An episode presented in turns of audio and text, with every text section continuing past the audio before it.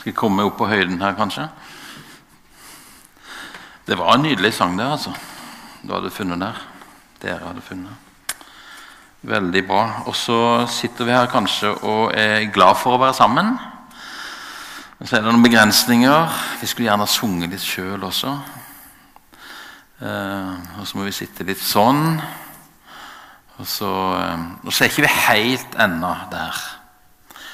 Eh, og om vi noen gang kommer helt tilbake igjen Skal vi skru av den, kanskje? Hvis jeg trykker den ned, så er den off, kanskje? Da forstyrrer ikke den? i forhold til det, ja. Eh, hva var det jeg skulle til å si? ja, Men eh, denne koronatida Vi skal ikke snakke så mye om den eh, nå. nå er vi, vi, er litt leie er ikke vi det, av den. Eh, men så ser vi noe lys i tunnelen, ganske, ikke så veldig langt der fremme. Og så gleder vi oss til, til mye. Så det er ikke sikkert det blir helt det samme som var før heller. Det kan hende at det kan bli noen endringer, også til det gode, etter dette her. Jeg vet ikke. Eh, men eh, vi ser nå frem til at det skal løsne. Samtidig så har vi ikke så veldig mye å klage over i Norge, egentlig. Noen sliter. Eh, absolutt. Så, så de, vi, de, trenger omtanke og forbønn. og og det, De trenger at vi ser dem. Ikke minst mange barn, barn og unge gjør det. Eh, men andre også eh, i vårt land. Men vi er jo egentlig skånt for det meste i Norge i forhold til de fleste andre land i verden.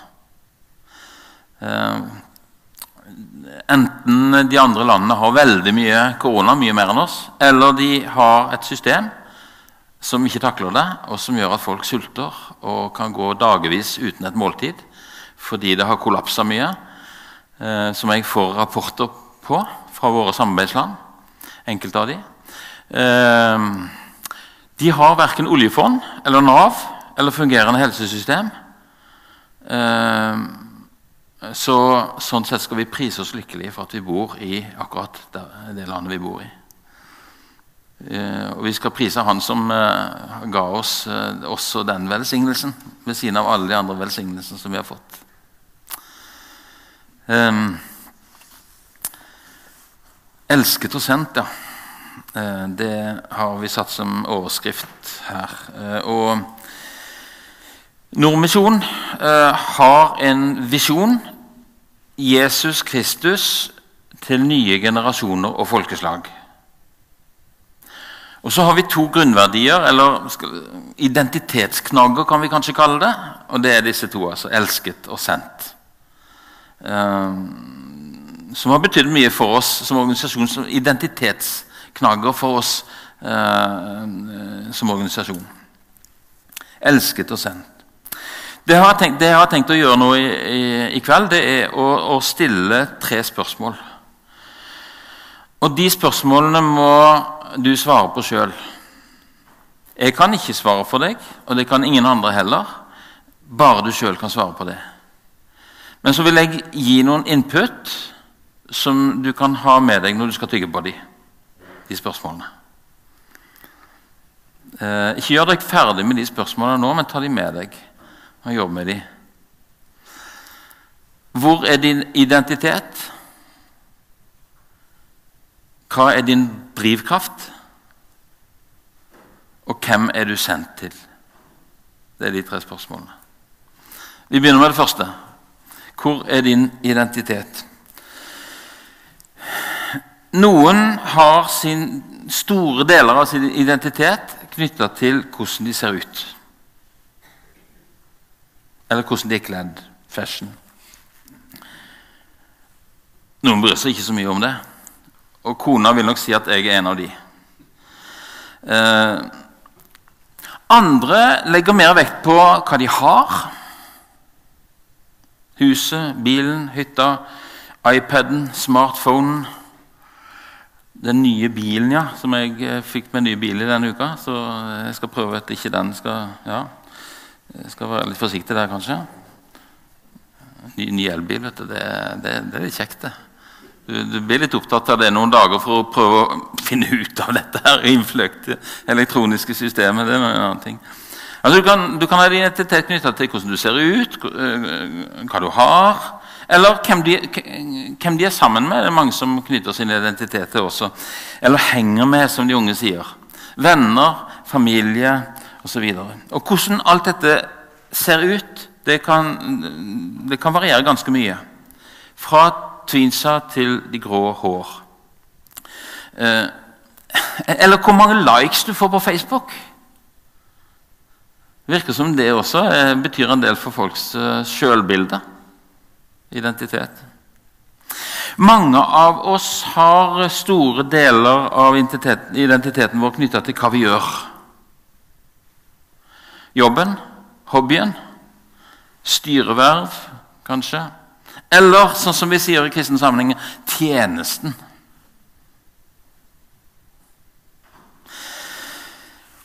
Og når identiteten knyttes til det vi gjør, hva skjer da om vi ikke får gjort det? F.eks. i koronatider så er det en del som ikke får gjort det de normalt uh, gjør. Har det gjort noe med oss? Og sjølbildet vårt? Jeg vet ikke. Eller uh, noen andre sider ved, ved identiteten? Jeg vet ikke. Hva skjer om vi ikke får gjort det? Om vi ikke får det til? Om det vi gjør, ikke blir verdsatt? Når vi blir gamle og syke, og kroppen vår og kanskje også hodet vårt ikke fungerer like godt lenger. Når du blir uttappa, utbrent i den tjenesten du står i, hvordan går det med sjølbildet da?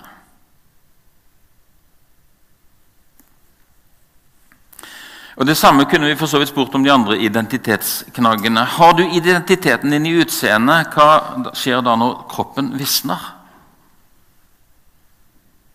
Har du identiteten i det du har? Hva skjer når du mister det? Har du identiteten i relasjonene dine? Hva skjer når de brytes eller tapes? Det er jo ikke noe galt eh, med noe av dette, noen av disse knaggene, eh, i seg sjøl. Det er faktisk en del av det å være menneske. Men jeg tror vi trenger noe mer varig fundament for vår identitet enn disse tingene her. Nemlig at vi er elska. Av mennesker, ja. Og først og fremst av Gud. Og da snakker vi ikke om likes. betingelsesløst elska av Han som har skapt oss. Uavhengig av hvordan du oppfører deg. Ikke fordi du får det til, men fordi du er til. Ikke for det du gjør eller har, men for den du er. Guds eget verk, unikt skapt. Dyrt kjøpt, høyt elska. Gud elsker deg slik du er, ikke, ikke slik du gjerne ville være. Så høyt har Gud elska verden at han ga sin sønn den enbårne for at hver den som tror på ham, ikke skal gå fortapt, men ha evig liv. Det er liksom det ultimate uh, uttrykket for denne kjærligheten den kjærligheten det er ikke bare noe som gjelder sånn rent generelt og prinsipielt. Det dreier seg ikke om en lære eller en kjærlighetsfilosofi. eller et eller annet sånt. Det handler om et realt kjærlighetsdrama. Der Gud sjøl tar initiativet, drevet av et enormt engasjement for sine skapninger, for deg og meg. Hosea 11. Da Israel var ung, fikk jeg ham kjær. Jo mer jeg ropte på dem, desto mer gikk de bort fra meg. De ofret til Balgudene, tente offerild for gudebilder. Jeg dro dem med menneskehånd, med kjærlighetens tau. Nydelig bilde. Jeg dro dem med kjærlighetens tau. Jeg var lik en som løfter et spedbarn opp til kinnet. Jeg bøyde meg ned og ga deg mat. Hvordan kan jeg oppgi deg, Efraim? Overgi deg, Israel? Hjertet vender seg i meg. All min medlidenhet våkner. Jeg vil ikke føle min brennende vrede. Ikke ødelegge Efraim en gang til for jeg er Gud og ikke et menneske hellig midt iblant dere.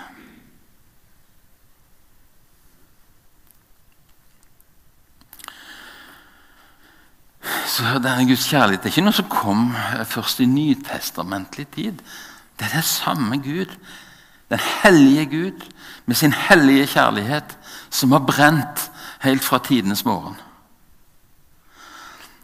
Og så eh, fikk denne Guds redningsaksjon eh, sitt høydepunkt i Jesus. 1. Johannes 4. Og ved dette ble Guds kjærlighet åpenbart blant oss, at Gud sendte sin enbårne sønn til verden for at vi skulle leve ved ham. Ja, dette er kjærligheten. Ikke at vi har elsket Gud, men at han, han har elsket oss og sendt sin sønn til soning for våre synder. 1. Johannes 4. Er det noen som har vært forelska noen gang? Ja. Jeg har i hvert fall hørt om det. en slags sånn kriblende følelse inni her med noe hjertebank og noe, ja, noe greier. Jeg vet ikke hvordan du skal beskrive det. Kan blott erfare, kan jeg forklares, men kan blott erfares. Er det sånn det heter? Det er på en måte en bleik sammenligning. Men Gud er altså på en måte Han, han er, er forelska i oss, på en måte. Det blir, nesten litt tamt å si det sånn, men, men han, han, han, er, han, er, det. Ikke sånn flyktig opp og ned-forelskelse som det av og til kan være med oss mennesker, men permanent håpløst forelska. Og hans kjærlighet er ikke bare gode tanker og heftige følelser, men handling. Konkret handling. Radikal handling og til sitt blodige handling. Ingen andre kjenner deg så dypt, på godt og vondt. Og likevel ingen andre elsker deg så høyt, uten reservasjoner. Herren din Gud er hos deg en helt som frelser. Han fryder og gleder seg over deg og viser deg på ny sin kjærlighet. Han jubler over deg med fryd. En sånn SMS kan du ikke ta imot med et gjesp. Den gjør noe med deg, med din identitet. Det er ikke bare med nød og neppe at han vil ha med deg å gjøre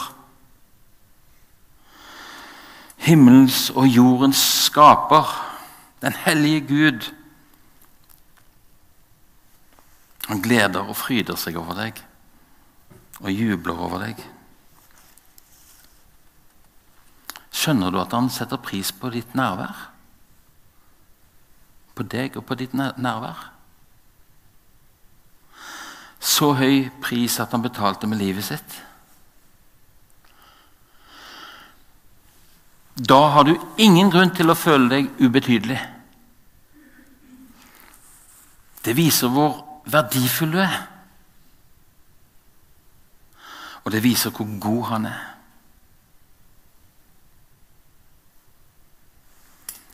Og til oss som fort knytter vår identitet til tjenesten, så syns jeg den passer veldig godt, denne sangen av Sølvi Hopland. Siden vi ikke kan synge den, kan vi lese den. Nå skal du få være barn, ikke tjener. Nå kan du få være liten og ikke stor. Ingen spør deg hva du syns og mener. Det er ikke du som skal forsvare mitt ord. Nå skal du få slippe hendene langs sida. Du har ikke ansvaret for meg, som om jeg må holdes oppe hele tida. Du må ikke glemme det er jeg som bærer deg. Nå kan du få være svak. Legg bort din styrke. Jeg lever fortsatt, selv når du er død. Det er faren når mitt ord er blitt ditt yrke. Du tenker mest på alle andre du skal fø. Nå skal du få lov å lytte, ikke tale. Nå skal du få ta imot og ikke gi. Du kan få gråte ut for alt som har gått gale. Jeg vil holde deg og gi deg av min fred. Jeg roper igjen. Har prøvd så mange ganger. Jeg elsker deg, mitt barn. Jeg elsker deg. Du er ikke uunnværlig som min tjener. Men som barnet mitt er du umistelig.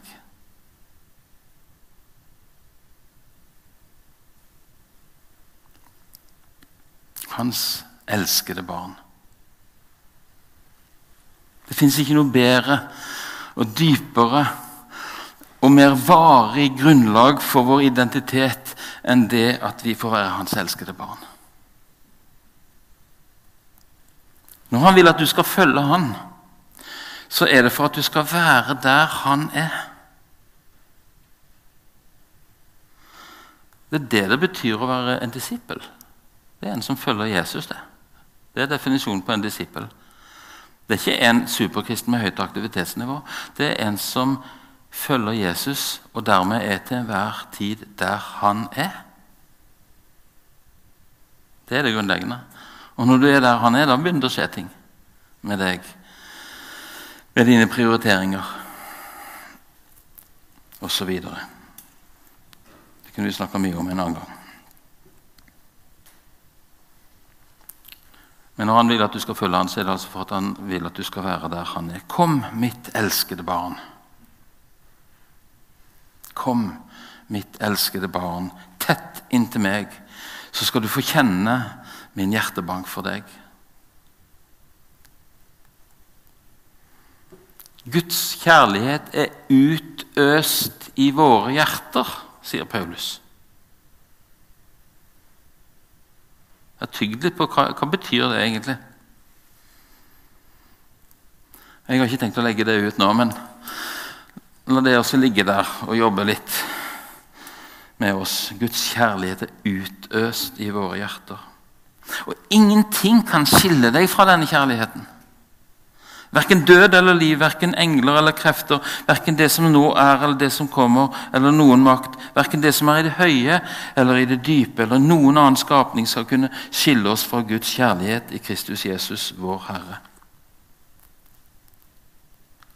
Bli i min kjærlighet, sier Jesus. Bli i min kjærlighet. Bo i han. Bad i han. Lev i han. Slik at du kjenner at den omslutter deg, fyller deg, preger deg, driver deg.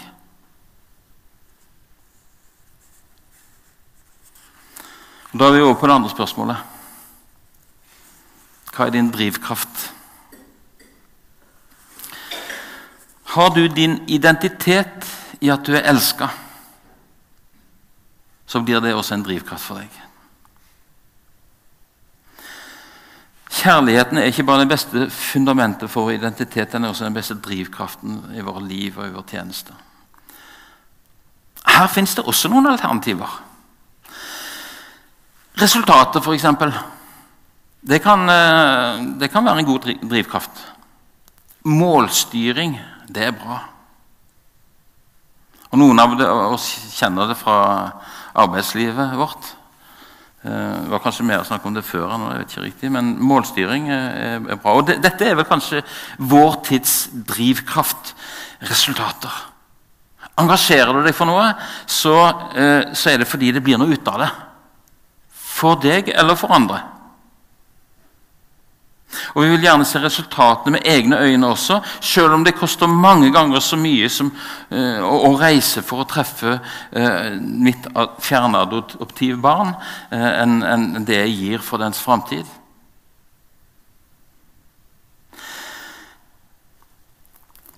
Overalt søker vi resultater. Lykke, utvikling, produksjon. For det må jo funke. Og funker det ikke, så er det ikke noe å satse på. Og vi blir deppa og tappa. Hva driver deg når resultatene uteblir og målene ikke nås?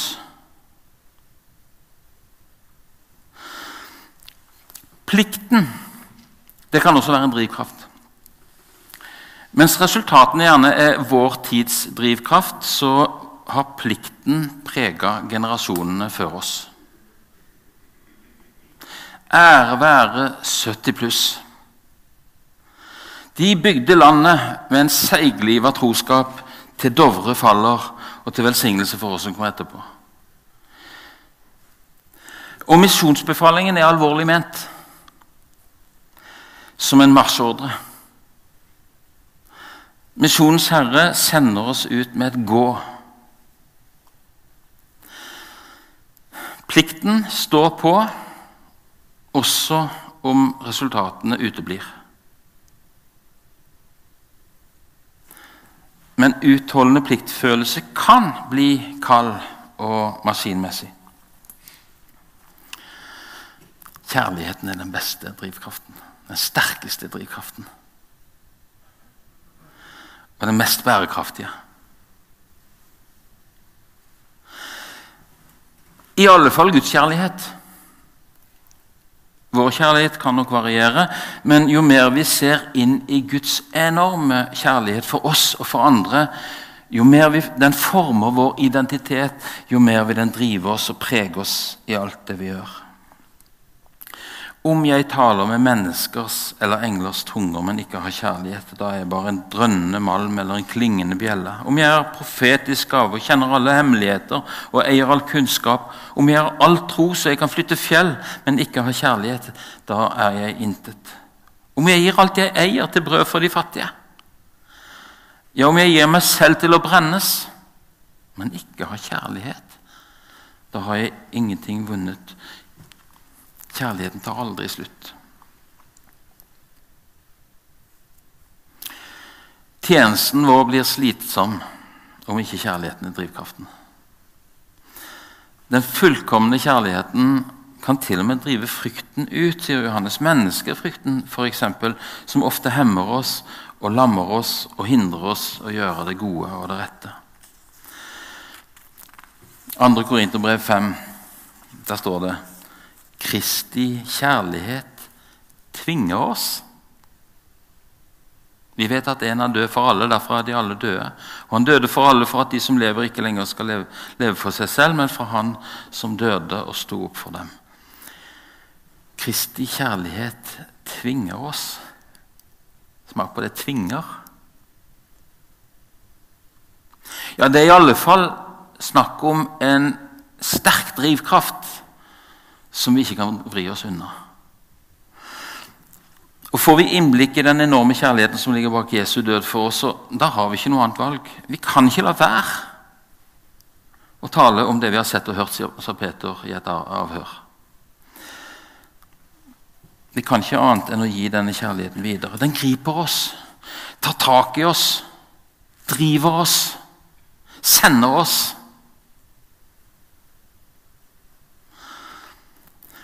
Før han sender oss ut, så kaller han oss inn til seg for at vi skal få lære å kjenne han og hans hjertelag, hans fars hjerte.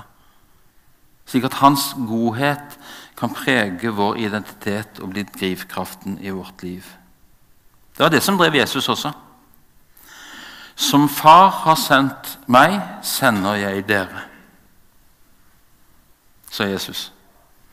På samme måten, i kjærlighet. Så høyt elsker han. At han fornedra seg sjøl, ble menneske av kjøtt og blod og ble lydig til døden på korset. Og det er den samme kjærligheten som sendte Jesus, som også sender oss. Elsket og sendt. Og Da er vi altså inne på det tredje og siste. Hvem er du sendt til? Hva er din drivkraft?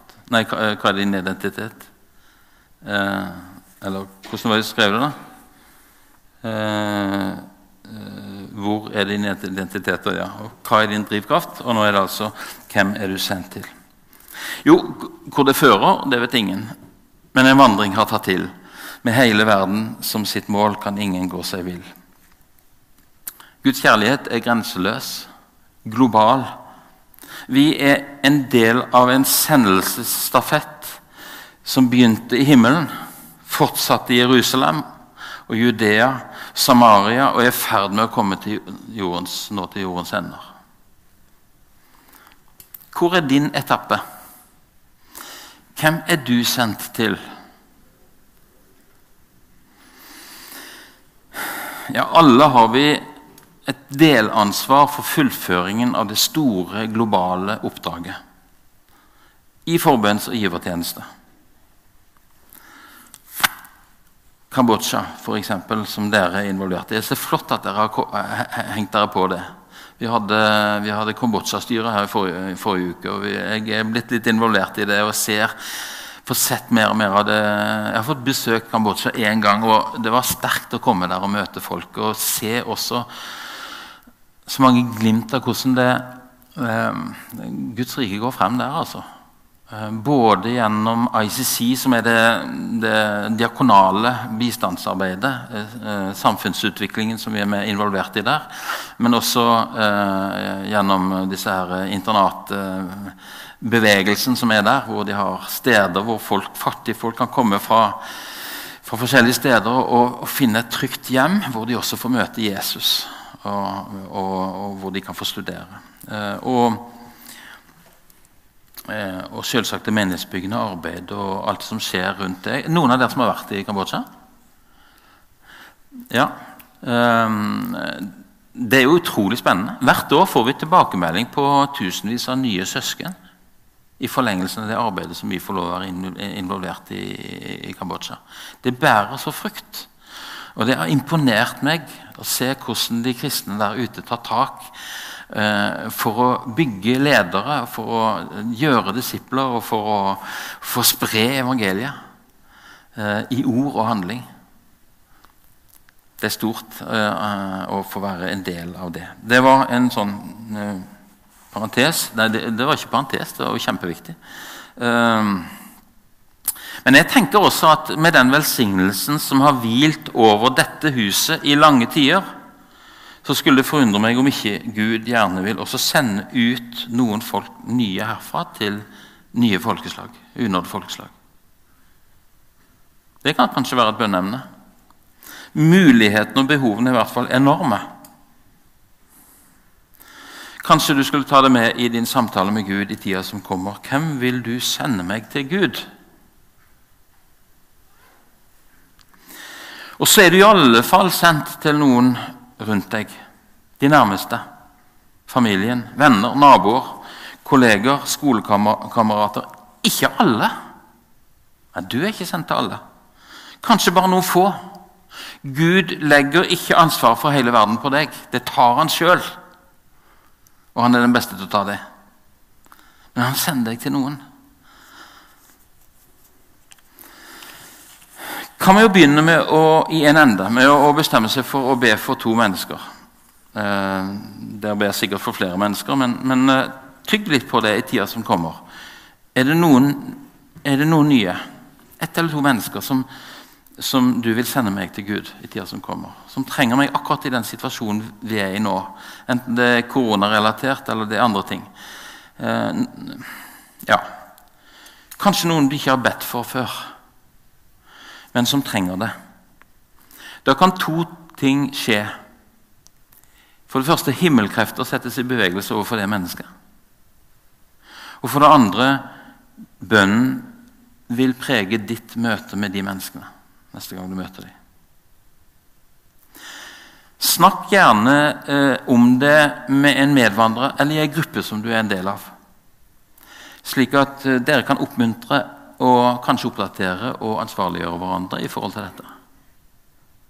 Fokuser på det. Samtale om det. Be det inn. Og skal du kan se, altså Jeg er overbevist om at han som vi følger, eh, Når vi følger Jesus, så følger vi en som er på vei mot folk. Hele veien. Og, og når, når, vi følger han, så er vi på vei mot de samme folka som han. Og noen av de eh, som han er, er, på vei mot. Og da har han det med å åpne noen dører inn i deres, liv. Hvis vi er bevisst på det. Det må ikke bli, altså jeg er opptatt av at det må ikke bli vår dårlige samvittighet. For det har vi ofte. 'Å, vi skulle gjerne ha blitt bedre vitner', sier vi ofte. Og så blir det vår dårlige samvittighet. Jeg syns det der etterfølelsesperspektivet har løst det litt for meg. Det er ikke blitt min dårlige samvittighet. For meg er det blitt en spennende vandring i hverdagen. For når jeg følger en som er på vei mot folk, så ønsker jeg å spørre Jesus hvordan vil, hvordan vil du møte det mennesket der? Hvordan vil du at jeg skal møte det mennesket? Hvordan skal vi møte det mennesket der, Jesus? På butikken, eller hvor du møter de henne. Det er et helt nytt perspektiv på, på, på det, dette her. Utrolig spennende eh, hverdagsliv å følge Jesus eh, under den vinklinga der. Kanskje du sendes til et menneske som du ikke hadde tenkt at du skulle ha noe med å gjøre.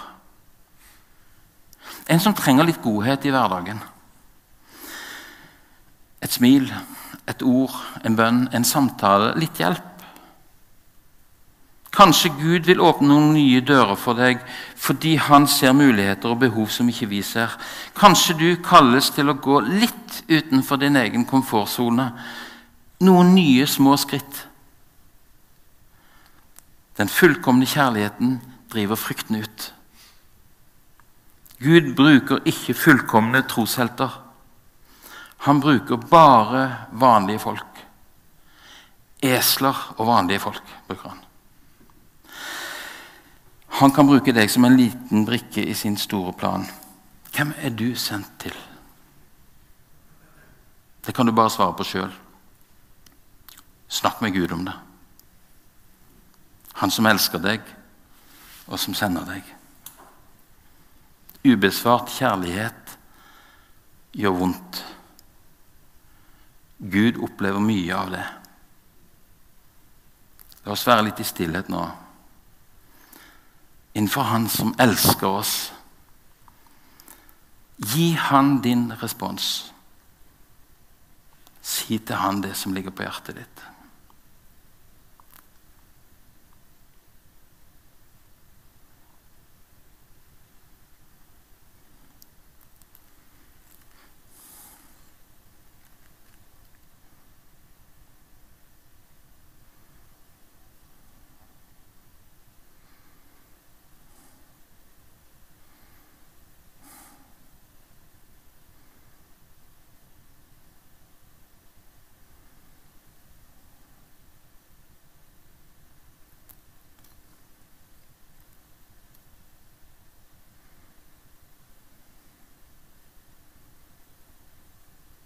Takk, Jesus, at du elsker oss så høyt og så dypt som ingen vet. Takk at du var villig til å gå i døden for vår skyld.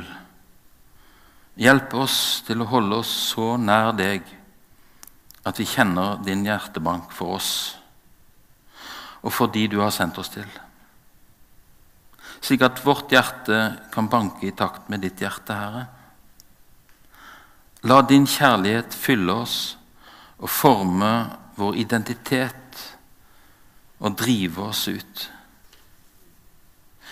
Vis hver enkelt av oss hvem du sender oss til.